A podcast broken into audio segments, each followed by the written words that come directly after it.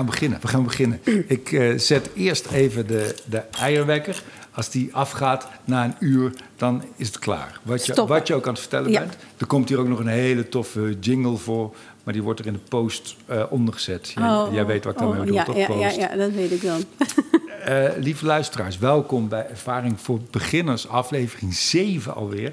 En ik zit hier met Dana Negustan. Zij is eh, regisseur van films en tv-series.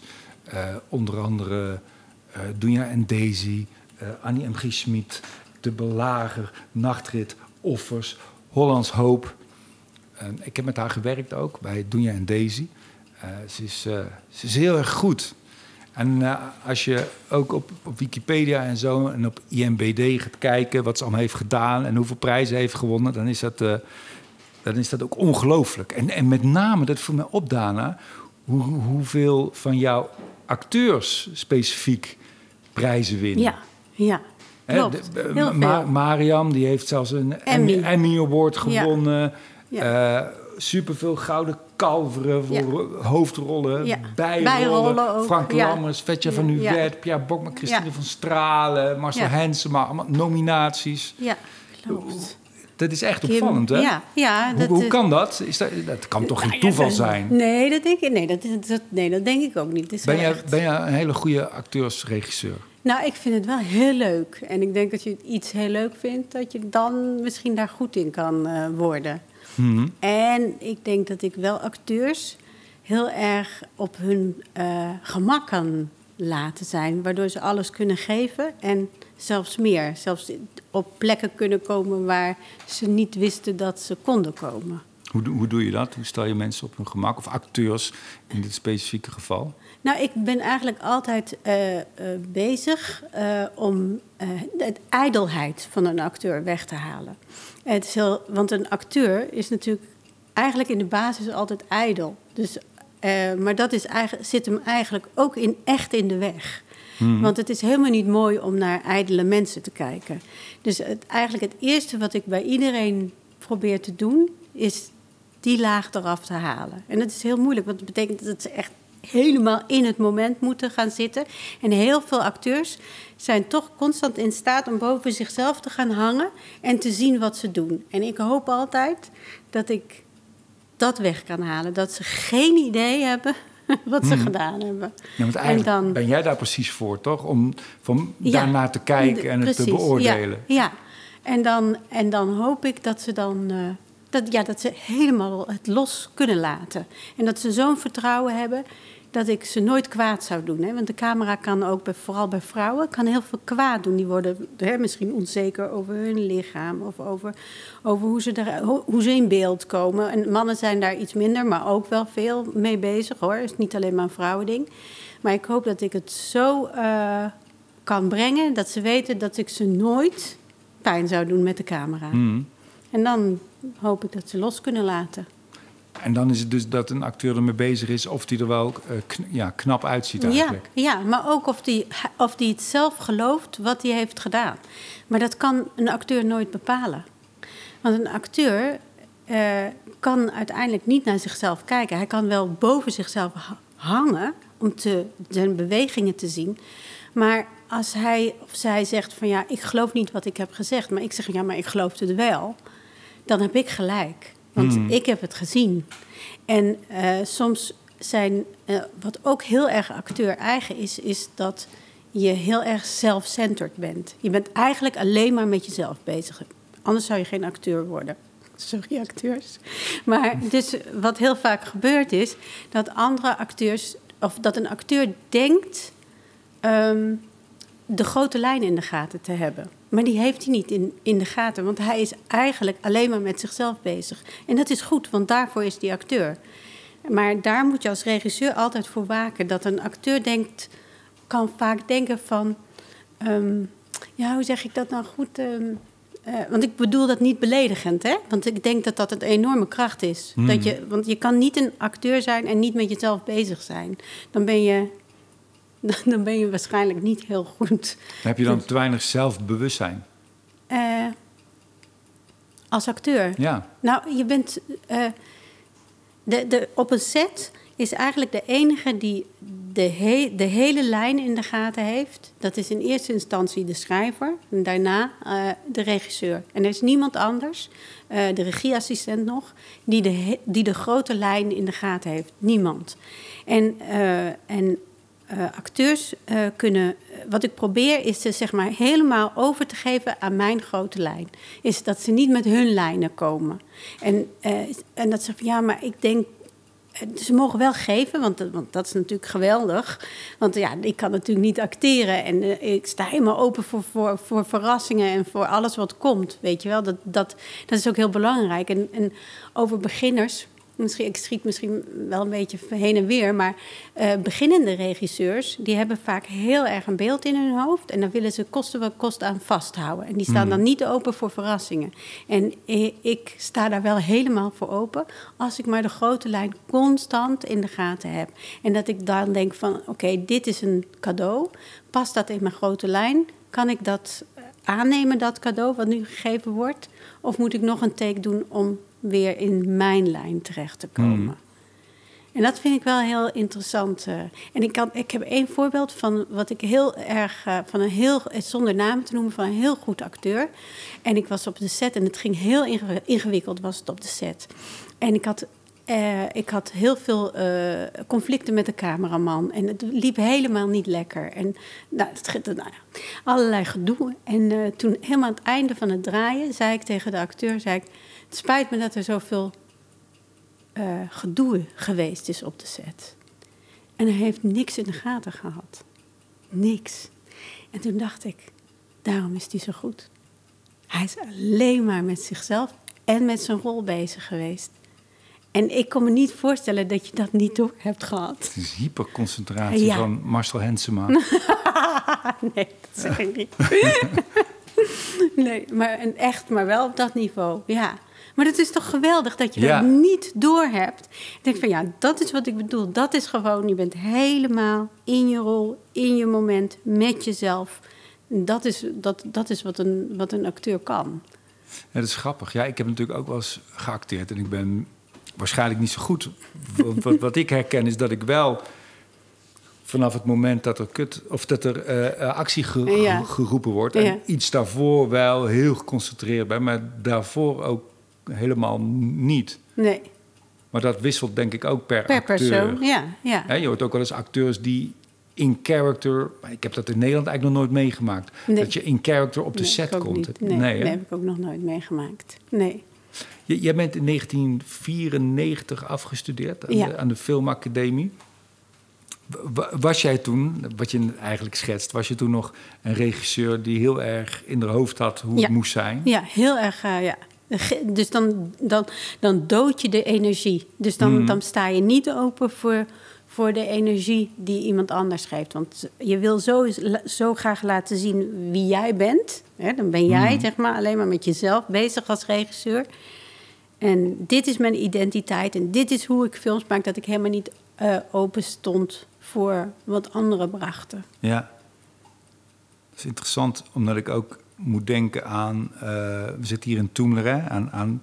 Er is natuurlijk veel overlap, ook aan stand-up comedy. Ik, ik geloof altijd dat er twee momenten zijn waarop je inspiratie nodig hebt. En dat is op het moment dat je het schrijft... en dat is op het moment dat je het speelt. Ja. En inspiratie betekent letterlijk hè, inblazing, dat je er leven in moet blazen. En dat kan denk ik alleen maar in het, eh, in het hier en nu. Ja. Daar kun je niet zoveel eh, voor van tevoren bedenken van hoe je dat gaat doen. Dat is ook inderdaad openstaan in het moment, luisteren, voelen en Ja, en dan... intuïtief reageren. Ja, klopt. Maar er was, is ook wel bijvoorbeeld ook met, met comedy, dat vind ik dan bij, met film en comedy ook wel interessant. Hè? Want het is natuurlijk ook gewoon, en dat is op, helemaal in, in, op, op toneel, is natuurlijk de timing. Dat je ontdekt van wanneer eh, valt iets of wanneer valt het niet en zo. En ik heb ook met, met Hollands Hoop heb ik, was er een, eh, een, eh, een eh, had, Frank had scènes geschreven en daar... En daar en Frankie Ribbens, Frankie Ribbens, scenario schrijver en de partner, En vader van jouw kinderen. En je minnaar, beste Minnaar vriend. en alles. Eh, die had, had een lijn in Hollands Hoop geschreven... waarin zeg maar, de rol van Kim van Koten... die denkt dat Marcel Hensema vreemd is gegaan. Dat is niet zo. Eh, maar hij kan niet de waarheid vertellen, want die is erger dan, het, dan vreemd gaan. Dus hij moet daar zeg maar, dat in stand inhouden, al heeft hij dat helemaal niet gedaan.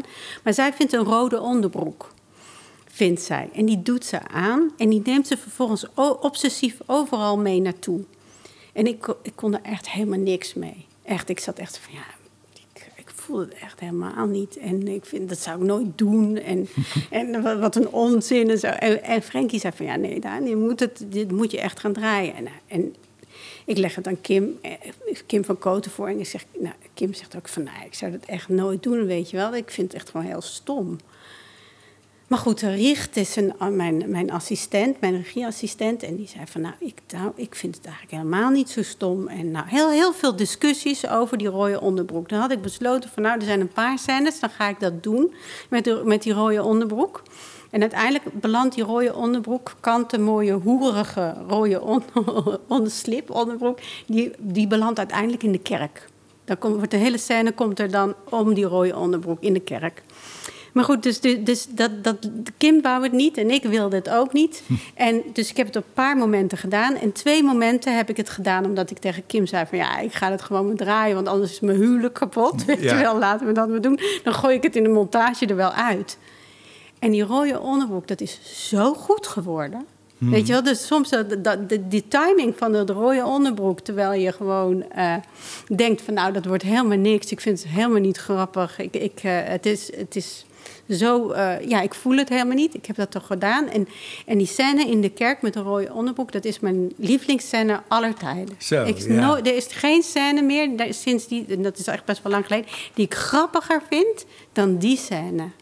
Dat vind ik dan weer heel... heel uh... En hoe kon je dat nu over het hoofd zien als je daar dan. Nou, ik, ik, omdat ik denk, van, ik, zou nooit, ik zou nooit een rode onderbroek meenemen. Maar dat is best wel beperkend als je alleen maar bedenkt of het voor jouzelf logisch is of niet. Want je hebt ook nog andere mensen. Ja, natuurlijk. Nee, maar, nee, maar ik kon me gewoon niet voorstellen dat een vrouw zeg maar, dat, dat zou doen. Dus dat ze een onderbroek zou vinden en dat ze hem ook zelf aan zou doen. Dat doet Kim ook. En dan kijkt ze in de spiegel en denkt ze echt van, oh, wat een hoerig ding. Weet je wel. En vervolgens zit hij in de handtasje en neemt ze hem overal mee naartoe.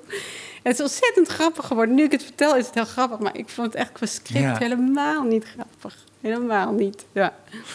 Wat, wat, is er gebeurd vanaf dat je afstudeerde en uh, nu is het 2020, 26 jaar, 26 jaar? Ja. Op dat jaar? Ja, helemaal. Um, wat heb je, ja, wat heb je geleerd en, en hoe, hoe heb je geleerd? Ik heb, je leert alleen maar door te doen. Hmm. Dat is echt, dat is gewoon, ja, dat is heel cliché, maar dat is echt gewoon zo. Je leert echt helemaal niks door thuis te zitten. En ook niks als het gewoon de hele tijd of maar podcasts luisteren. heb je ook geen fuck aan? Heb je geen fuck aan? Nee, nee daar heb je wel. De, jawel, je kan wel dingen leren natuurlijk van anderen. Maar als je ze zelf niet ervaren hebt, dan weet je uiteindelijk niet hoe het voelt en hoe je de dingen moet oplossen. Dus eigenlijk, wat je, wat je leert is dus nou ja, wat, wat, over de energie, dat vind ik eigenlijk het allerbelangrijkste. Dat is dat je altijd open staat voor wat er komt en dat je je niet afsluit. En ik denk dat dat sowieso voor, voor, eigenlijk voor, voor alles geldt, ook voor het hele leven. Ik bedoel, als je niet open staat voor wat er op je pad komt, dan kom je ook zeg maar niet verder. En eigenlijk is regisseren is, heeft daar alles mee te maken. Uh, en dat is eigenlijk de belangrijkste les. En je laten inspireren door andere filmmakers of andere films of, of andere schilderijen of foto's of wat dan ook. Maar door te doen, dat is gewoon het gaan doen. En weet je wat het is? Je kunt ook nu alles doen. Uh, alles is, is voorhanden. Hè? Met, met, met, met je telefoon ja, met een filmpje maken. Alles. Dus dan denk ik ook van... Um, je hoeft er niet te gaan zitten. Je kunt het gewoon meteen uitproberen. Uh, je kunt vrienden, als je ze hebt... en als je echt niet hebt, moet je iets anders verzinnen. Maar je kunt vrienden bellen en zeggen van... we gaan dit gewoon doen. En het is nog zo... Uh, uh, ook, het is niet eens zoals, zoals vroeger dat je dat dan echt meteen heel veel geld moest betalen en echt moest presenteren en echt meteen beoordeeld moest worden. Dat hoeft helemaal niet. Je kan het gewoon proberen. En dan denk je, oh, dit is gelukt of oh, dit is niet gelukt. Dus dat is gewoon iets heel anders dan al. Dus ik zou, uh, ik zou gewoon. Uh, als ik nu zou, jong zou zijn, dan zou ik dat de hele dag doen. Ik zou niks anders doen dan. Filmpjes maken? Ja, de hele dag, ja. ja. Ze, ze zeggen ook dat uh, vroeger. Ja, vroeger, vroeger ja. toen je moest monteren met een machine die daadwerkelijke cuts maakte Ja, en die die ja. film in stukjes knipte Ja, en ja, dat was ja, dan ja. je montage. Dat dat wel maakte dat je veel beter nadacht over montage. En nu kun je natuurlijk binnen ja maar dit is wel echt veel leuker hoor, nu. Het is echt veel leuker, want je kan echt heel lang nadenken. En dan heb je heel lang nagedacht en denk je, nou, toch niet. Ja. je, moet het ook daarin, moet je toch ook weer, weer zien en doen. En de snelheid waar je nu mee, zeg maar, kan, kan, eh, kan, kan monteren en snijden en uitproberen. En, en dan deze muziek eronder dan, nee, toch dat werkt niet, dan toch weer iets anders. Ja, het is echt geweldig. Dat is gewoon grenzeloos. Ik Ja. kan echt, ik, ik- ik vind trouwens monteren is gewoon zo leuk. Ik Ja. wou dat het nooit, dat het nooit stopte. Ja, Echt. Dat je gewoon altijd mocht blijven monteren. Dat zou ik maar echt wat een verschil. Eigenlijk wil ik dit straatje want nou komen we bij frustratie. Maar wat een enorm groot verschil. Dat je aan de ene kant door technologie de mogelijkheid hebt om supersnel dingen te maken. En aan de andere kant le- leven in een land met een staatsbestel en omroepen, omroepen die het weer super moeilijk maken om, Ja. om dingen te maken. Ja, Ik, ik, heb, ik heb nou net ook, voordat wij gingen interviewen, ergens op een bank hier in het park iets lopen repeteren voor een serie. Waarvan ik denk, ja, als dit toneel zou zijn, zou je zes weken repeteren. en, ja, En nu hebben we twee middagjes en dan ragen we even door die tekst heen. Of ja maar en daar moet ik wel even een maar bij zeggen, want bij mij gebeurt dat niet. Dus het is met de verdeling van het geld te maken. Ja. Ik repeteer wel degelijk. Ik, eh, niet zes weken, maar wel toch wel twee weken. Ja, Eh, en, eh, en ik zie iedereen wel vier, vijf keer van tevoren of zo. En we hebben wel echt degelijk gesprekken en over karakters. En het is verdeling, dat is ook wel belangrijk, dat een regisseur inzage krijgt in het, in, in het budget. Hè? Ja. Want heel vaak is het van nou ja, ik ben regisseur, ik weet niks van geld. Dat is, dat is niet handig. Want het is juist heel handig om juist heel goed op de hoogte te zijn van hoe het geld wordt verdeeld. En het is subsidie.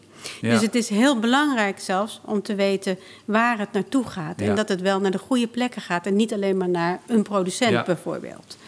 Eh, maar dat het wel in de film eh, wordt gestopt. Eh, en, en dan kan je ook zeggen van ja, maar ik, ik vind een repetitieproces, het repetitie vind ik echt heel belangrijk. Ja. Ik ben bereid om een, zelfs een draaidag voor op te geven. Dat is een keuze die je kan maken. Of je kan kiezen van, nou, ik eh, kies voor geen regen in deze scène, Ja. zodat ik eh, eh, met die en die langer zou kunnen Ja. repeteren. Ja.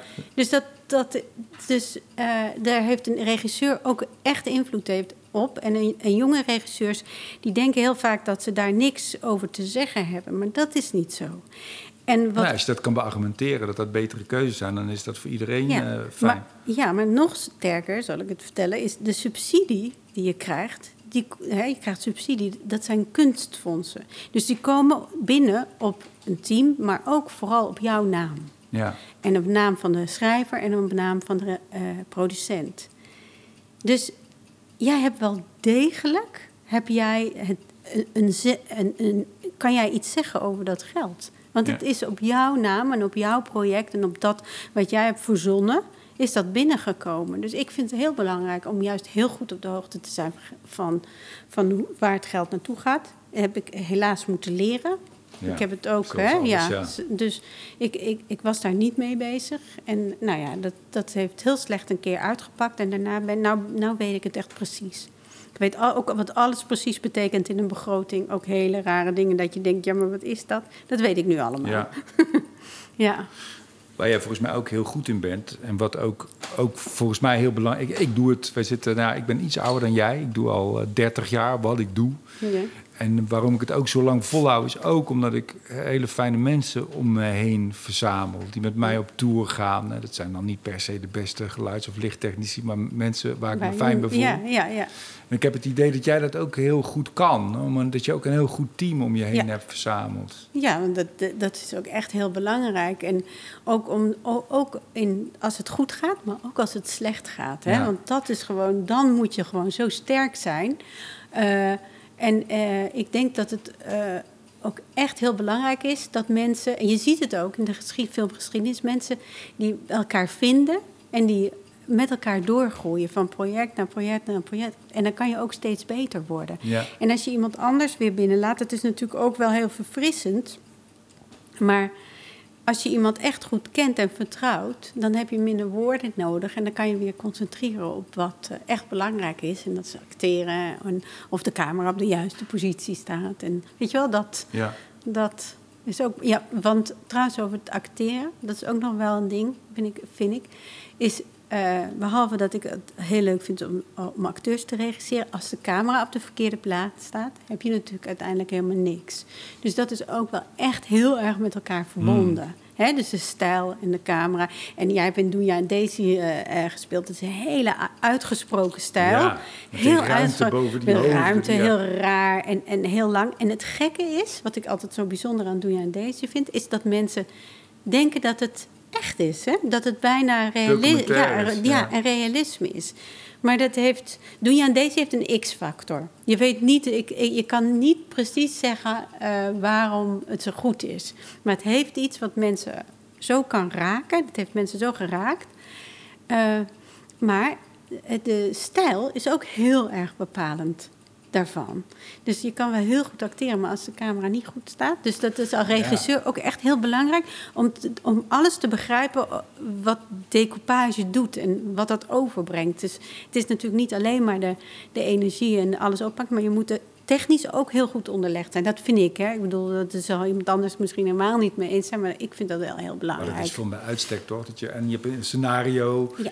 Je hebt camera, je hebt kleding, je hebt make-up, de acteurs. Alles, alles, alles doet het toe en helpt mee. ja, maar er zijn natuurlijk wel regisseurs die focussen op één, één ding. Hè? Dus dat, eh, iedereen werkt anders. Ja. Eh, eh, maar, maar, maar ik denk dat het wel een heel belangrijke balans is tussen de, het acteren en de camera. Ja. Waar ben jij in je, in je laten we het rijpingsproces noemen? Toen je in 94 afstudeerde, was je nog onrijp. Ben, je rijp? Ben je, zijn er nog dingen? Ben, ben je klaar? Ben je artistiek klaar? Heb je het idee dat je nog dingen kan leren? Heb je nog artistieke ambities? Nou, nee, eigenlijk eh, niet dat ik, dat ik... Ik wil wel blijven verhalen, maar films maken, dat, dat, dat blijft die drang. Ik heb nooit het gevoel van, nou, ik ben nu... eh, nu eh, ik vind het niet meer leuk. Ehm, soms denk ik, als ik heel eerlijk ben, denk ik van ja... En dan moet ik weer een verhaal in totaal, medium, medium, close. Close, dan denk ik, jezus, dat vind ik eigenlijk best wel, weet je, saai. Maar dan wil je misschien is er niet een andere manier om te vertellen? Weet je, en denk ik, ja, dat is toch ook allemaal gedaan. En dan, daar, als ik negatief ben, dan kan ik daar wel eens in, in, eh, in wegvallen. Weet je, want ik denk van ja, wat, brengen, wat, wat kan ik nou nog brengen? Het enige wat ik kan brengen zijn verhalen. Dat, dat Ja. is wat ik echt kan brengen. En dan de juiste vorm daarbij eh, eh, te vinden. Dat is, ja, dat is gewoon, eh, dat, dat is een- elke keer een zo- zoektocht. Maar ik heb niet het gevoel van, ik, ik, ik moet nog iets bereiken, ik moet iets halen. Of, nee, helemaal niet. En ik vind het ook zo, zo grappig, ik heb ook bijvoorbeeld toneel gedaan. Dan was ik een keer gevraagd door het Noord-Nederlands toneel. Was ik gewoon gevraagd om een toneelstuk te doen, grote zaal. Te Ik heb nog- regisseren. te regisseren. Ik had nog nooit geregisseerd. Grote zaal, 13 acteurs, Don Juan. Weet je wel, gewoon oud, eh, gewoon doe maar. En uiteindelijk, hoe, het proces is anders. Maar je vertelt een verhaal. Dat, dat blijft. En dat merk ik van, ja, dat is gewoon iets wat ik wil blijven doen. Maar ik heb niet de behoefte van, ik moet dat. Of ik, ik moet nog naar het buitenland. Of ik moet nog, eh, helemaal niet. Wat is het belang volgens jou van, een verha- van verhalen vertellen? is dat je, dat je mensen kunt, eh, kunt raken. Kijk, je hebt verhalen die, die gewoon op het moment... eh, die, die, die, die mensen kunnen troost bieden of grappig... of even weghalen bij de realiteit. Maar ik ben ook met een, een, ehm, eh, een nieuwe serie eh, bezig, dat heet Elixir. Ik ben, ik ben ziek geweest. En, ehm. Best wel ernstig, ernstig ziek kanker. geweest. En toen ik in het ziekenhuis lag, heb ik allemaal dingen gezien. eh, dat ik dacht van nou, als ik dit overleef, dan wil ik daar iets mee doen. Dus toen heb ik een, al, ben ik heel erg lang trouwens mee bezig al. Want het is helemaal niet zo makkelijk als ik uh, dacht. Dat dacht ik helemaal niet. Maar ik wilde zeg maar een serie over de medische industrie maken. En dan, uh, uh, maar niet de kant waar de patiënten zitten, maar waar de kant waar de beslissingen worden genomen. Dat je bij de kant van de patiënten, ja, dat is niet zo moeilijk. Dat is heel snel dramatisch. Dat snapt, mm. snapt iedereen. Maar ik wil juist zeg maar, daar zitten waar de beslissingen worden genomen. Daar waar alle testen binnenkomen en alle ratten zijn doodgegaan. En dat men zegt, nou ja, ik ga het toch uh, op de markt brengen. Ja. Lijkt me wel een goed idee. Ja. Nou ja, om dat zeg maar voelbaar en karaktergedreven en dat je daar zeg maar in mee kan gaan. Dat is een enorm proces geweest, echt heel ingewikkeld. Uh, maar dat is een verhaal dat ik, dat ik moet vertellen. Dat mm. wil ik echt vertellen. En, en, en dat moet ook zoveel mogelijk mensen bereiken. Dan ben ik dan ook bereid om concessies te doen in mijn vertellingvorm. Daar waar ik zeg maar misschien vaak meer een crossover ben, ben ik bereid om zo'n verhaal meer commercieel in te richten, zodat het meer mensen bereikt. En wat, wat, wil, je dan, wat wil je dan vertellen? De, de, de complexiteit van en de moeilijkheidsgraad van de beslissingen die die mensen moeten nemen? En... Nee, de, kijk, de, de, de farmaceutische industrie is de derde na dodelijkste industrie in de wereld, na roken en uh, wapens. En um, ik zou willen, al is het maar, maar dodelijkste, drie... omdat er daar heel veel mensen doodgaan aan. Ja, ongelooflijk veel mensen doodgaan. Maar veel mensen die al ziek zijn natuurlijk ook. Ja, of gewoon uh, depressief zijn. Ja. Of gewoon, ja, iedereen kent wel mensen die aan de medische industrie zijn doodgegaan. Hmm. Alleen dat wordt niet, zeg maar, dat wordt gewoon als van ja, jammer, ze zijn, uh, hadden te veel pijnstillers op.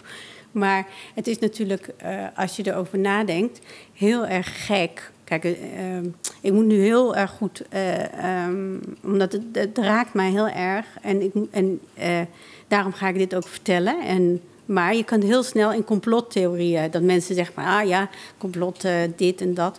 Maar de farmaceutische industrie is een hele, hele heftige industrie en ontzettend geld gedreven. En er vallen heel veel doden bij. Maar die doden vallen niet onder, die, die, worden, die vallen niet onder moord. Weet je? Dat is, uh, ja, dat is gewoon, ja, dat kan gebeuren. Collateral damage. Ja, precies. Maar in ieder geval dat. Uh, um, oh, wat, nou moet ik het echt wel goed, goed vertellen, anders. anders je hebt alle tijd, doe rustig. Is dat uh, je wil dat, dat als, als je die serie hebt gezien en je gaat naar de apotheek of je gaat naar de, naar de, naar de uh, ethos of een andere, andere plek, uh, kruidvat of whatever. En je gaat daar en je bestelt uh, je vitaminepillen, die, waarvan je denkt dat je die nodig hebt. Dat je heel even, al is het maar drie seconden, bedenkt van ik ga naar mijn local drug dealer. Als je dat even hebt gedacht, hmm. dan ben ik geslaagd. Dat zou ik willen. Dat je gewoon bewust wordt dat je elke dag zeg maar in een, in een, in een systeem zit waarin je, waarin je eigenlijk afhankelijk bent gemaakt van de medische industrie zonder dat je dat doorhebt. Maar kun je dan niet beter een documentaire maken? Nee, die zijn er al heel veel. Ja. En die zijn er ook, die zijn hartstikke goed. En dan ben je één of twee dagen van slag. En daarna denk je er niet meer over na. En daarom hoop ik dus dat als we een, een dramaserie maken, dat dat op de een of andere manier iets meer bereik kan krijgen. Ja. Want het is, zijn zulke heftige documentaires zijn er gemaakt. En als je die gezien hebt, denk je... hoe kan het zijn dat ik nog naar buiten loop? Of hoe kan het nog zijn... En wat ik dan ook zo waanzinnig vind, is dat als je ziek bent... en dan op het, op het moment dat je het aller, aller, aller zwakste bent... dan komt de medische industrie binnen. En die zegt van, hier, ik kan je helpen. En op dat moment natuurlijk geloof je dat. Want je moet geloven, want je moet hoop hebben. En en dat vind ik een heel fascinerend mechanisme om te onderzoeken. Dus op het moment dat je het allerzwakste bent. Het is een heel risicovol project op een of andere manier, artistiek gezien. Als, als, als ik over omdat, omdat je. Omdat de, de, de, verhalen die ik het beste vind, je ook. Uh, uh, ja, die denken nooit zo in goed en kwaad of zo. Dat is altijd een soort grijs, duister gebied waarvan je niet precies snapt hoe je moet denken. En dat je ook juist weer een andere kant van iemand Maar dat doen we ook hoor. Ja. Het is zeker niet. Het is, want anders zou het... Dat, het is niet zwart-wit, hè? Want anders wordt het een pamflet. Is het heel lang geweest, ja. Is het ook echt... Want dat is ook het hele proces. Daar waar moet je, zeg ook maar, even tijd overheen gaan echt, misschien. Dat, je, dat mensen dachten van... Oké, maar dit is echt niet, weet je wel. Dit is dat, dat is het gewoon niet. Dit is niet wat je wil vertellen. Maar het is wel degelijk een deel van wat je wil vertellen. Ja. Want dat is je drive. Weet je, en ik heb ook zoiets van... Nou, eerst in het begin was het echt gewoon een pamflet. En daar is het helemaal... Dan, ja, dat waait dan op een gegeven moment helemaal weg. Ja. En dan op een gegeven moment heb je een echt verhaal te pakken. En dan gaat het ook over echte mensen en over echte eh, gevoelens die allemaal daar in connectie mee, mee zijn. Ja. En dat is wel echt. eh, dan, d- dat is iets zeg maar, wat ik echt heel graag wil vertellen. En dat heeft dus dan niet met artistieke. eh, van dat wil ik nog bereiken. Nee, ik wil dat echt Ja. heel erg graag vertellen. Dat zou ik, het is een belangrijk iets wat verteld moet worden. Ja. Ik heb net de, The Loudest Voice gekeken. Heb je die toevallig gezien? Met Russell Crowe in de, in de hoofdrol. Het gaat over iemand die heel... Ja, eigenlijk de baas van... Niet de baas, maar de hoogste directeur van Fox. En je maakt van die sprongen. eh, het begint in eh, 2001, 9-11. Dan de opkomst van Obama, opkomst van Trump. En dat is ook echt... Dat doet me dat aan denken. Van, van, en het risico is altijd... Ik word dan heel erg meegesleept. En later denk ik ook... Ja, maar dat is nou wel... Wordt er wel heel erg een bad guy van gemaakt. En dat je juist de andere kant op gaat denken. Van nou... Ja. En dat maar zou- daarom zitten we ook in, dus de- bij de andere kant. Dus niet bij Ja. de patiënten. Dus degene die de beslissingen nemen, maar die moeten zichzelf. Er is niemand die, die zichzelf slecht vindt, die, die wakker Nee. wordt en die denkt van, nou, wat ben ik, wat ben ik slecht vandaag. Iedereen denkt van, nou, ik doe dat eigenlijk heel goed. Nobody Allemaal. villain in his wel, ja. Het is gewoon, ik, ik ben met hele goede eh, dingen bezig. Ja. En eh, nou ja, dat, dat, daar gaat het wel echt over. En dat vind ik wel eh, echt, ja, dat vind ik een heel spannend project. Maar Wat, denk ik wat, wat is nou eigenlijk een, een nogal abstracte vraag, maar wat is een, wat is een verhaal? Een begin, midden en een eind? Ja, dat is, dat is de constructie. geen idee. ik heb geen idee. Wat is een verhaal? Ehm, Ja, wat zijn de ingrediënten? Ja, ik denk. alles is een Ik, verhaal. ik, Ja. Nou, nee, ik denk niet dat alles een verhaal is. Ik denk dat, dat in een verhaal ook wel een, een avontuur of een, een, een periode die je meemaakt van iemand die. Ja, dan ga ik zelf het antwoord geven. Wat Ja. is mijn antwoord? ja, nee, maar ik heb geen antwoord. Dus die, wat, die obstakels op zijn pad krijgt. ja. En, en wij maken mee, lekker op onze thuis, op onze stoel van de bioscoop, hoe iemand daarmee omgaat met die obstakels en hoe die of ten onder gaat of die overwint en daar anders uitkomt dan die erin gaat. Ja. Zo, zoiets is een verhaal, toch?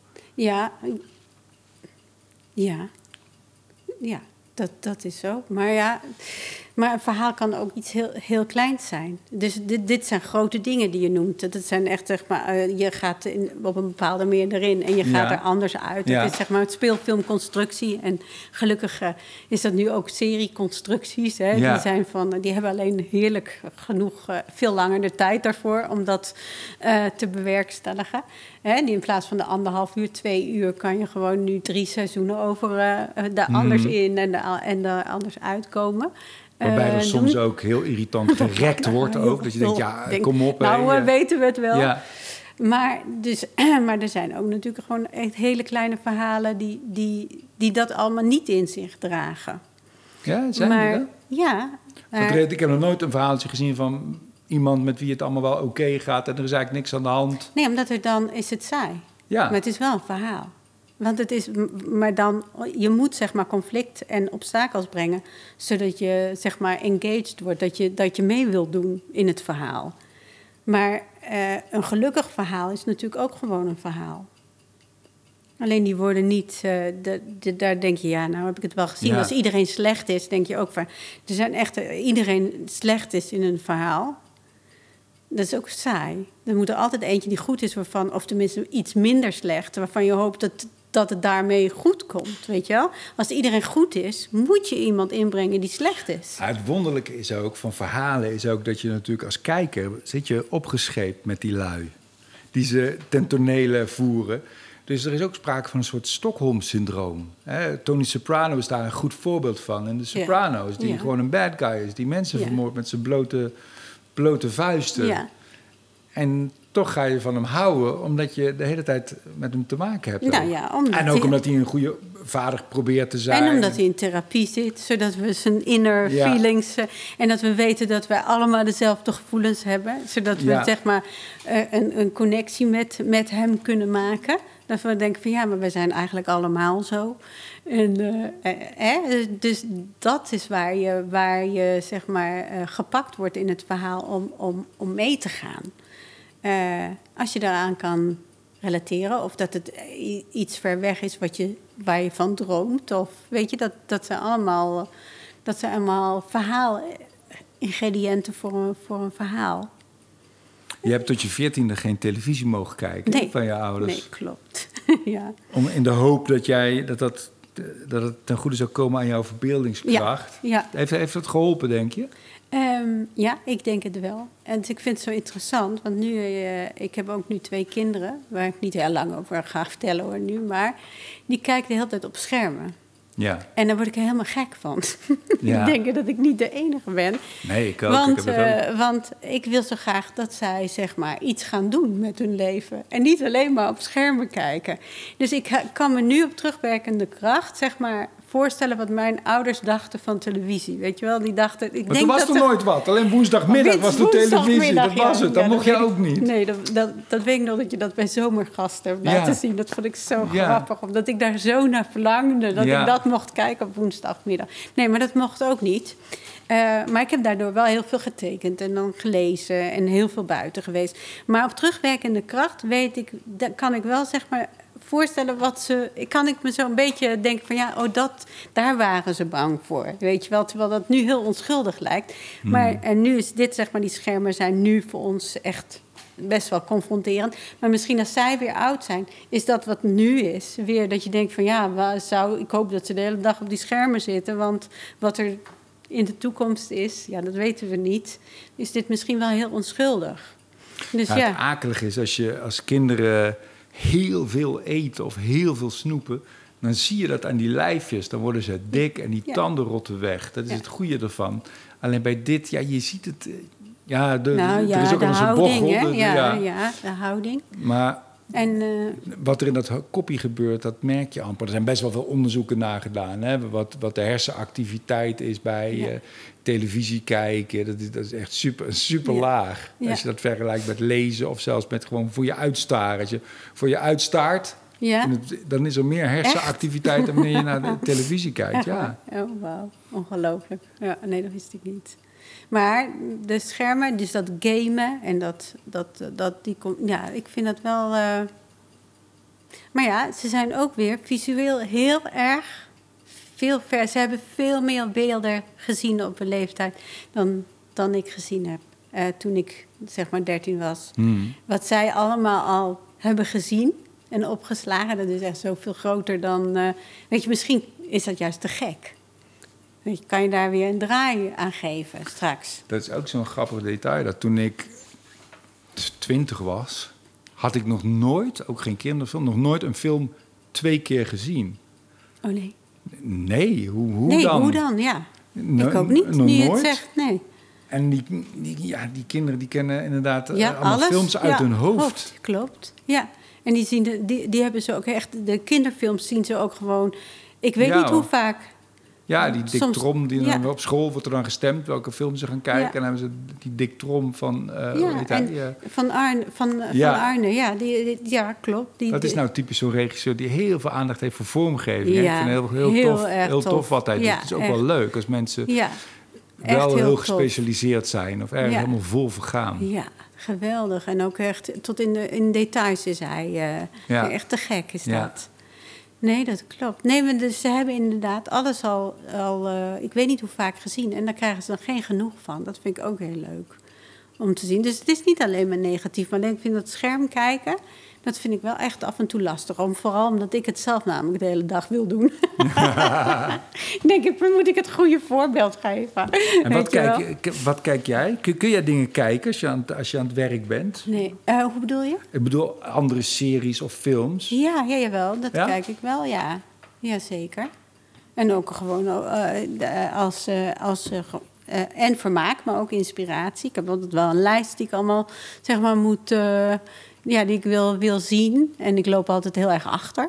En kun je verliezen of zit je dan vakmatig te kijken? Nee, ik kan me helemaal verliezen. Ja? Ja, echt, ja, totaal. Dat is wel bijzonder. Ja, Dat hebben volgens mij maar weinig eh, Ja, ik kan professionals. echt, Misschien ben je toch gewoon een hele goede amateur dan. Ja, dat denk ik. Ja, nee, echt volledig verliezen. Dan heb ik ook geen idee meer wat ik gezien heb. Dan zegt iemand van, ja, maar het was één shot. Oh ja, nou, ik vond het gewoon heel mooi. ja. En dan ga ik dan wel terugkijken en dan denk ik, oh ja, weet je wel. Dus eh, bijvoorbeeld uit, uit 1917, die film, heb je die Ja, dat heb ik gezien? niet gezien, van Sam Mendes. Nou, dat, eh, die, die ben ik wel, dat, dat doet volgens mij iedereen als je die film hebt gezien, dat je daarna wel de making-of gaat kijken. Meteen. Dat je denkt, ja, maar hoe dan? Ja, dat had ik wel door. En ik zat te kijken. Dat je denkt, oké, maar dit begrijp ik even niet. Dit moet ik even terugkijken. Ik vind het zo grappig dat hij, dat las ik van de week over hem, dat hij eh, met terugwerkende kracht eh, American Beauty toch wel overschat vond. Oh, echt? Oh, die vind ik, die vind ik fantastisch. Ja, ik ook. Echt. Oh, die, eh, nee, dat, dat, daar snap ik niks van. Ja, het was naar aanleiding van een artikel over Paul Verhoeven, over die films. Dat eh, over showgirls en zo, hoeveel procent hij zelf nog overeind vond staan. Ik geloof iets van 60 procent vond hij nog oké en 40 procent vond hij een soort van overbodig. Oké. Heb jij nog wel eens bijvoorbeeld Total Loss? Is dat, is dat de eerste langspeelfilm die je hebt gemaakt? Ja, ja. Heb je die nog wel eens gezien? Ja, die heb ik wel eens gezien, maar dat is, die is, dat is, dat is best wel een dramatisch eh, debuut geweest. Die is echt super afgekraakt en totaal geflopt. En eh, dat is dus zeg maar een soort van trauma geweest. En eh, dus ik vond het heel, ik heb heel lang niet teruggekeken, echt heel lang. En nu kom ik weer terug op de energie. Ik zie gewoon precies wat er is gebeurd. Ik ben echt, ik heb niks toegelaten. Het is gewoon dood. eh dat is trouwens, het is niet iedereen het mee eens, maar het is dood in zijn, in zijn vorm, ge- doodgeslagen in zijn vorm. Hmm. En, en, eh, en dat is eigenlijk, want, want als, je, als het goed gaat, leer je niet zoveel. Hè? En Total Loss is de belangrijkste film waar ik het aller, aller, allermeest heb geleerd. En dat komt omdat het dus niet goed is gegaan. Ik las van de week, dat vond ik zo'n mooi citaat, dat wil ik even noemen, van de trainer van Atlanta Bergamo. Ja. Die zei, we, we kunnen niet verliezen. We winnen of we leren iets. Ja, dat is Dat echt is dat, zo. dat, is dat, een beetje, ja. En alleen het is niet leuk. Het is een, hele, het is een, echt een harde eh, leerschool. En je wenst jezelf absoluut niet zo'n debuut. Maar soms, stiekem, denk ik, ik heb geluk gehad. Want nu kan het altijd beter. Weet je, als je zo, zo debuteert, denk je van... nou ja, bij de volgende film moet het dan wel echt beter En was dat gaan. voor jou ook meteen helder toen, wat er mis was dan? Eh, nee, ik was echt... Want je hebt ook eh, een ego, toch, wat gekwetst Nee, is. het was en- heel... En daar was ik veel te jong voor ook. En het was, eh, ik was ook heel jong. Ik was 28 voor, voor destijds. Dat was echt ontzettend jong voor een, voor een speelfilm. En ehm, En hadden ze daar meer van verwacht? Had dat een fatsoenlijk budget en Ja. kwam dat in... ja. Ja. maar het gekke is bijvoorbeeld... eh, Niet iedereen is het mee eens hoor, dat het, dat het slecht is. Ik bedoel, Jorik van Wageningen is daardoor ontdekt. En die is bij Spielberg terechtgekomen. De Coen Brothers hebben die film gezien. Ik heb ook hele gekke ontmoetingen mee, eh, gehad. Maar ik kon dus heel lang niet naar die film kijken... omdat ik alleen maar met de kritiek mee Ja. keek. Ik dacht, oh ja, nee, ze hebben gelijk. Oh ja, oh, Ja. oh wat erg, oh wat erg. En toen, ja, echt wel, echt wel, jaren later heb ik gekeken en toen dacht ik, oh, maar er zitten wel, wat je wel kan zien aan die film is dat ik kan regisseren. Dat kan je zien. Dus je kan er van alles van vinden, maar dit is wel een regisseur die iets kan. Hmm. En, dat, en dat kon ik toen, zeg maar, eh los eh, de, ja, scheiden. Een interessante mislukking heet dat toch, zoiets? Zo, ja. Nou, ik gun het niemand. Maar er zijn ook heel veel voorbeelden van, van regisseurs... die een ongelooflijk goed debuut hebben gehad... en daarna nooit meer daar overheen zijn gekomen. Dat lijkt me ook eigenlijk helemaal niet leuk. Ik kan altijd nog vooruit Donnie gaan. Darko moet ik meteen aan denken. Eh, ken je de film Donnie Ja, Darko? ja. geweldige film. De jongen heeft ook daarna allemaal Oh, wa- dingen Oh ja, dat geprobeerd. weet ik niet. En dat Ik lukt me zijn naam even kwijt. Ik weet ik ook niet hoe die heet. Ja, maar dat is ook een prachtige Maar film. dat vind ik heel wonderlijk, want ik was het even vergeten, maar dan moest ik nadenken over, over, over denken van de week. Van, ja, daar ben ik steeds over aan het praten met mensen. Weet je wel, ervaring voor beginners. Wat leer je nou en wat, wat is ervaring en wat, wat is er in het begin al? Want toen moest ik ook denken aan, eh, aan Alex van Warmerdam en aan Abel. En dat is ook zo'n ja, ook zo'n briljante debuutfilm. En ik, ik vind dat hij daarna ook, ja, dat het, ik weet niet wat hij daarna heeft gedaan. Het zijn ook allemaal wel interessante films. Maar niks, ik vind niks zo goed als, als, Als Abel, als Abel. klopt. Ja. Wat, wat is dat toch, joh? Wat doe je dan? Of wat, wat, en dat komt veel vaker voor, volgens mij. Ja. Dat je in, in den begin iets intuïtief goed doet. Dat mensen daarna, ik weet niet of ze dan te veel gaan nadenken. Of, of wat gebeurt er dan? Nee, dat, dat, dat, dat kan je niet verklaren. Dat is onverklaarbaar. Want er zijn ook dat soort films zijn... als ze niet zeg maar uit de ambacht... maar puur uit zeg maar een, de, de, de kunstenaar... Hè, die De door- noodzaak, de, de no- urgentie. je- je- ja, maar ook gewoon... je weet niet wat dat is. Dat valt dan gewoon... alles valt op, op zijn plek. Ja, En dat zijn hele bijzondere momenten. Dat wil iedereen wel. En als je dat op je debuut hebt... dan moet je daarna dat proberen te evenaren. En dat kan je ook weer verstikken. Hè? Dat je Mm. denkt van ja, maar dit is, het, is niet zo goed als. hoe- Nou ja, en, en je bent maar zo goed als je laatste film. En, nou ja, en dan kan je jezelf helemaal gek maken. Terwijl ik denk van ja, gewoon doen. En dan. eh, eh, maar over dus dat, je, dat het is een slecht begin geweest als debuutfilm. ja, Maar, ja, maar het is ook een geluk geweest. Ja. Een hele belangrijke les, die had ik nooit zo snel kunnen leren als dat niet gebeurd was. Ja, En, de, en de les is eh, in het moment, in het moment zijn en alle cadeautjes aannemen, die aannemen, ja. krijgt. Maar altijd terugkoppelen naar de grote lijn. Of het past in, jou, in jouw visie. En weet je wat ik ook doe? Dat vind ik ook, dat, eh, dat worden sommige... Daar ben, ik, daar ben ik trouwens ook echt wel in gegroeid. Eh, ik, eh, bijvoorbeeld bij Hollands Hoop, daar wordt, werd Marcel Hensema werd er helemaal gek van. Is, die man heeft zorgen. Die heeft, nog, die, heeft alle, die heeft drie seizoenen zorg. Echt, die wordt helemaal gek van de zorgen. Maar ik weet, weet, als ik aan het draaien ben met die acht afleveringen... weet ik de level van zorgen niet op dat moment. Dat kan ik niet helemaal inschatten. Hmm. Want het is ook comedy, is, is Hollands Ja. Hoop. Dus het is een hele rare mengvorm. En je neemt Dus- het op niet in de chronologische volgorde, wat het moeilijker maakt. Ook, ook dat, ja. Dus je moet gewoon, als je... eh, dus we draaien best wel veel takes. En dan zeg ik, maar ja, dit was een hele goede take. Dat was een goede tempo. Maar we gaan hem nu veel trager opnemen en in een andere toon. Maar dan zei, in het begin zei Marcel, maar, ja, maar dit, was, dit was toch goed? Zeg ik, ja, maar ik weet niet of het straks nog goed is in de montage. Dus in, vooral in het eerste seizoen had ik van Marcel echt, echt heel veel takes. In allemaal verschillende emoties of toon of ritme. En dan zei de editor bijvoorbeeld van... nou, ik zou toch wel echt eh, graag willen dat hij dat nu zo en zo zou zeggen. Dan zei ik, nou, dat heb ik. Ja, en, dan, en, nou ja, en dan kan je dus de timing echt perfect leggen. Dus soms is iets goed op de set, maar in de montage helemaal niet. En omgedraaid. Dus dan Ja. dek ik mezelf ook in en denk ik... nee, ik ga er toch nog een, nog een take aan en nog een take. Net even anders, net even de timing op een andere plek. En nu is Marcel, Marcel en Kim zijn het helemaal gewend dat ik dat doe... Eh, maar in het begin werden ze daar heel onzeker van. Alsof het niet goed was. Of alsof ik niet wist wat ik aan het doen was. Wat klopt. Want ik weet in de montage niet hoe ver ik in de zorgenlevel ben. Weet je, en het moet ook grappig zijn. Je moet niet alleen maar iemand hebben. En het is juist net van hoe, hoe je net dat moment pla- ja, iets plaatst. En dat is ook zo interessant, want dat kan je ook gewoon nooit weten. Je weet niet, iets wat heel goed was op de set kan in de montage helemaal niks zijn. Een teken die helemaal mislukt was, kan de redding zijn in de montage. Dat is zo interessant. Dat, dat, dat is magie, toch? ja, zeker. Dus je, kan, je mag ook nooit, als iets mislukt op de set, een take niet goed gaat.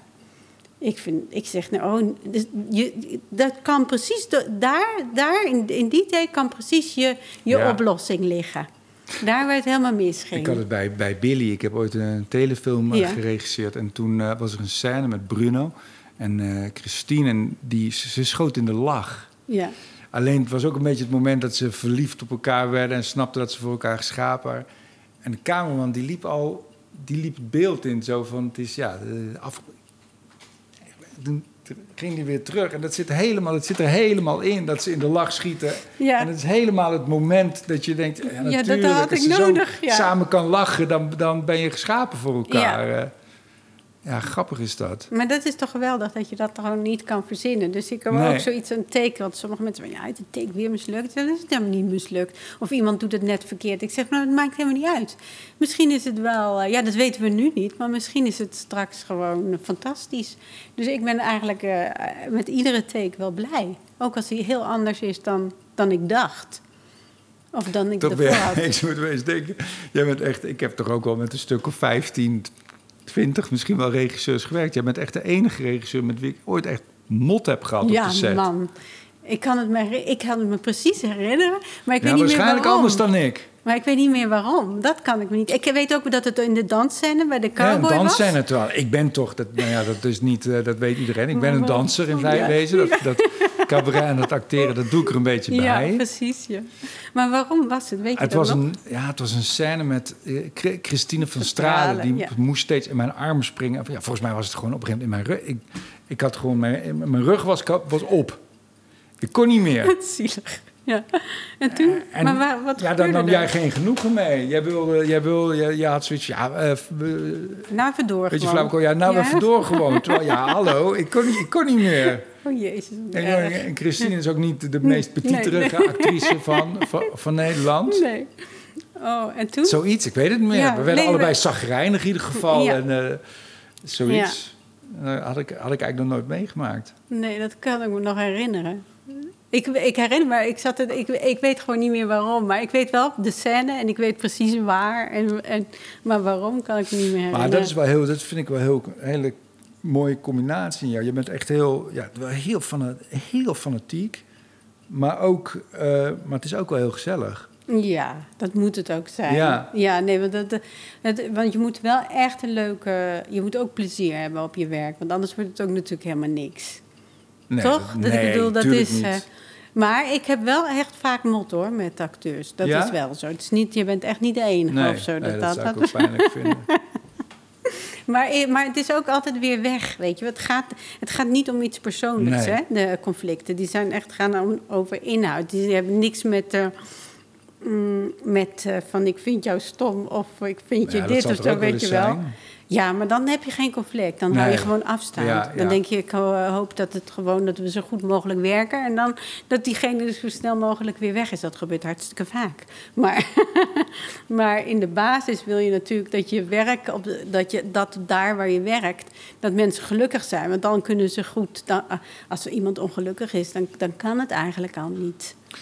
Nee, en zeker acteren niet. Want dat, dat moet denk ik bijna altijd wel vanuit ontspanning komen. Ja, maar sommige regisseurs die, die draaien dat om. Hè? Ik bedoel, maar zo zit ik niet in elkaar. Ja, maar dat, is eh, iets, van- dat is iets van vroeger. Ja, heb maar dat doen Ruud- mensen. Ruud van Hemert, ja, ja, die man die ja, dan maar iemand... goed, er zijn een heleboel mensen die dat... Bestaat dat nog? nog? Eh, Ik- ik- ja, ik heb het nooit meegemaakt. Ik met niet, ik zou ook, eh, Ik, maar ik zou, schieten. ik zou het niet, niet kunnen. Ik zou, ik zou heel erg... eh, dan moet je de hele tijd acteren, dat je iemand kapot maakt of zo. Dat lijkt me gewoon heel, heel lastig. Dat, dat zou ik niet kunnen. Maar wat wel, wat wel raar is van jouw vak, is dat ik... eh, ik ben natuurlijk voornamelijk cabaretier en ik, ik, eh, of comedian. En ik kan ook allemaal van mijn collega's gadeslaan. Op, in voorstellingen of op tv of hoe dan ook. Jij weet eigenlijk helemaal Helemaal niet hoe andere regisseurs het doen. Hè? Nee, ik hoor het alleen maar van andere mensen. Dat hoe, hoe het op andere, op andere sets gaat. En dat is gewoon heel, dat echt zo, ja, die en die doet het zo, of die en die doet het zo. En wat ik wel echt, wat ik nooit zou doen, maar echt nooit, eh, en dat, dat doen echt wel veel mensen, is het voordoen.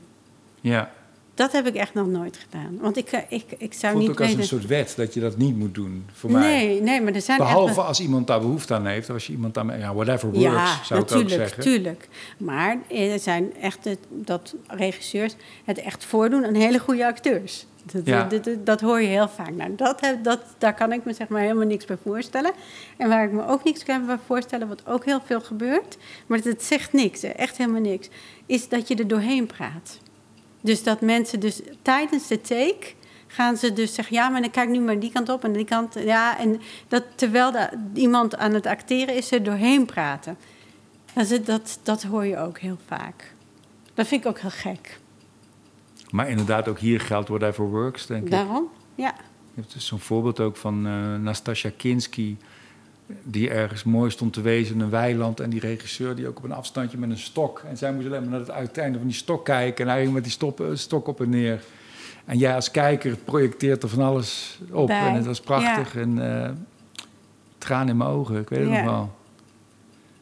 Ja, het is wel grappig. Ik, heb natuurlijk wel, ik weet wel van verschillende regisseurs hoe ze... Ja, dat is, dat is heel grappig. Bijvoorbeeld Norbert, Norbert de Hal. Ja, Die is ook zo heel specifiek. ja, Die, die, dat is ook altijd wonderlijk. En vooral als je dan ziet hoe goed het uiteindelijk wordt. Maar die is ook heel, ja, die is heel ontspannen en die is bij- bijna altijd wel content. ja, Die, die heeft nooit zoveel regieaanwijzingen. Nee. Soms zit hij een beetje te pesten. Of Ja. dan eh, zet hij iets ergens anders neer. ja, Weet je, dan moet je, wil je, moet je koffie drinken in de Ja. scène. En dan in het derde teken is Ja. dat kopje opeens weg. ja. Dan denk je, hè, waar is die? Ja, ja, ja. Ja. Dus dan kom je ook heel erg in het hier en nu. Ja. En, eh, Maar zo is iedereen zo, zo anders. En, eh, maar ik, ik, ik, ik weet wel, eh, ik, nou ja, ik, ik, in die zin ben ik wel obsessief. Ik wel, wil wel heel goed, eh, ik, ik heb het heel precies in mijn hoofd. Ik, wil- ik- alleen ik laat het nu ook los. ja. Want als het, op het moment dat ik het in mijn hoofd heb, daarna dan ben ik, als ik het niet in mijn hoofd heb, kan ik het ook niet loslaten. Zeg maar, als het niet in mijn lichaam zit, dan kan ik het niet loslaten. Dus ik heb ook heel veel versies decoupage. Sommige mensen decouperen helemaal niet. Nou, ik heb gewoon wel vijf, zes versies decouperen. Decoupage. En dat zijn de striptekeningetjes die je van ja, of tevoren de, maakt. ja, ik schrijf het uit. Ja, Dan, eh, dus de, ja, of de shots Jij maakt gewoon. geen te- tekeningen. Ja, plattegronden. Ja. Ja. Oh, eh, dus, en nou, daar heb ik echt wel. En andere mensen kijken echt van doe normaal. Weet je, hoeveel tijd zit erin? Ja, maar ik, voor mij is dat het schrijven. Een schrijf, schrijver die, die, die, maakt ook, die werkt ook heel lang aan zijn zinnen.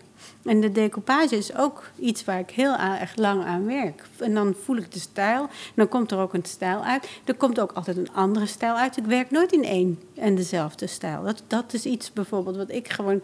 eh, als ik iets moet gaan herhalen, vind ik dat niet zo heel leuk. Mhm. Behalve als, als het verhaal echt me dwingt om die kant op te gaan, dan ga ik die kant natuurlijk op. Maar ik, wil, ik ben niet een regisseur die alles het in hetzelfde doet. Want elk verhaal heeft iets anders nodig. In mijn, Hmm. in mijn optiek. Dus, het, dus voor mij, zeg maar, de decoupage is gewoon zeg maar, de, de, de, de, de woorden die, die in een zin staan. Van doe ik dat hier of doe ik dat hier? En dat verandert, zelfs die woorden veranderen of die beelden veranderen tot aan de montage aan toe. Dan kan je ze nog steeds op andere plekken zetten. Eh, Eigenlijk heb ik het hier nooit over, maar ik moet er nu toch wel aan denken van hoe verhoudt jouw kunstenaarschap zich tot je, in godsnaam tot je privéleven? En is, is dat er nog? Je hebt ook kinderen en zo. Krijg je dat gecombineerd? Dat, want je hebt ook ja, dat hele super fanatieke, dat bijna manische. Kun je dat dan vervolgens weer lo- lo- loslaten? Nee, ik vind, vind dat wel heel moeilijk. Ik vind het ook eh, dat. eh, eh, en dan heb ik dus echt een hele lieve man die echt heel veel ik, voor, voor de kinderen doet. Hè? En, en het koken en naar school brengen en allemaal dat soort dingen. Dat echt in verhouding doe ik veel minder in het huishouden dan, dan hij. Maar nog steeds vind ik het heel erg moeilijk te combineren. En ik vind het vaak ook best wel oneerlijk voor vrouwen. Wat ze allemaal in de, in, eh, in de lucht moeten, Mhm. moeten houden. Als ze, als ze dit ambiëren wat, wat ik ambieer in het leven. En vooral als je kinderen hebt, denk ik dan, toch? Of sowieso? Nee, ja, vooral ja, kinderen. Dat is, Ja. gewoon, dat, dat is gewoon een heel heftige combinatie. Is dat En- je belangrijkste tip? Begin er niet aan. Begin er niet aan. Ja, maar dat weet je, dat, dat heb ik altijd al gezegd. Weet je nog dat jij, dat jij, jij bent de. Nou ja, ik weet niet of we dat moeten vertellen, maar jij hebt dus. Jij bent de eerste geweest die zei dat ik zwanger was. Kan je dat nog ja, überhaupt zonder dat ik seks met jou heb gehad. Zonder Laat dat dat je even seks- duidelijk zijn. Ja, dat weet ik nog. Ik zag je, Ja. kwam, jij kwam kijken op Ja, de set. ja, op de set ergens bij, bij, eh, bij, eh, Bij eh, Norbert, ik, bij bij de Wals? tent, bij de wals. Ja. En toen zei hij tegen mij, nou, dan zie jij er goed uit. En toen, toen zei ik, oh, dankjewel. Nee, maar echt, je ziet er echt wel, ben je verliefd? En ik zei, nou, eh, nou, nee, nee, ben je zwanger?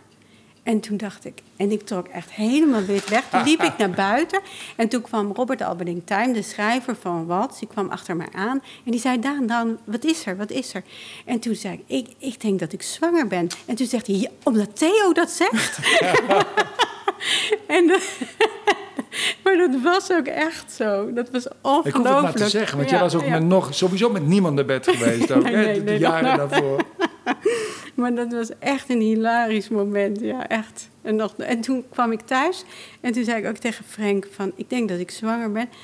Want, want ja, eh, Theo, Theo Maassen die zei van ja, ben je zwanger? En ik denk inderdaad, nu ik erover nadenk, ik denk dat ik zwanger ben. Hey, maar wat moeten we daaraan doen? Want je raakt wel een belangrijk punt volgens mij ook. Van, uh, dat het, hoe, hoe, lastig dat is voor, voor vrouwen hoe, hoe, kunnen we daar iets voor regelen? Of nee, wat moeten we doen? Je kan er niet zoveel aan doen, maar ik heb wel echt een paar keer, bijvoorbeeld ook op de crèches of zo, dat ik dan uh, uh, mijn zoontje of mijn dochtertje ophaalde en dat dan een lerares of een leraar toch een venijnige opmerking maakte, waar ik wel best wel van slag van ben geweest, is zo van, oh, oh, uh, ben je vandaag moeder? Ja. Nou, dan kom ik wel echt huilend thuis. Dan Oh. denk ik van ja, dat vind ik echt. Zou je dat ooit tegen een vader zeggen? Denk, oh, ben je vandaag vader? Dat, dat, dat zeg je dus niet. Maar er zit dan een soort van sociaal verwijt in van je bent toch de moeder, dus je zou toch eh, je kinderen toch vaker op moeten halen. Of eh, eh, ik denk dat je er niet zoveel aan kan doen. Alleen je moet mm, zeg maar. Kijk, want, want hormonaal wil je wel bij je kinderen zijn. Maar rationeel wil je Ja. wil je, je ambities volgen. Mijn theorie, ik wil er nog even over doorlullen. Nee, en zo niet. klaar. Dat ja, dat mag eigenlijk niet, hè? ja? Nee, maar ik geloof, ik geloof om dingen te maken. Ik, ik kan ook wel manisch zijn als ik echt aan het maken ben. En je moet dingen verwaarlozen. Je kan niet je huis op orde hebben. Je kan niet opgeruimd hebben. En ik kan dat niet. Je moet, je moet ook dingen ja. verwaarlozen. Dat Ja. is kloten. Waarmee ik niet wil zeggen dat jij je kinderen verwaarloosd hebt. Maar je kan niet alles bloedfanatiek doen, want dan word je, gek. hebt, nee, maar je hebt dus ook... Ik heb een partner die heel veel echt voor me opvangt. En daar kan je wel elkaar in helpen.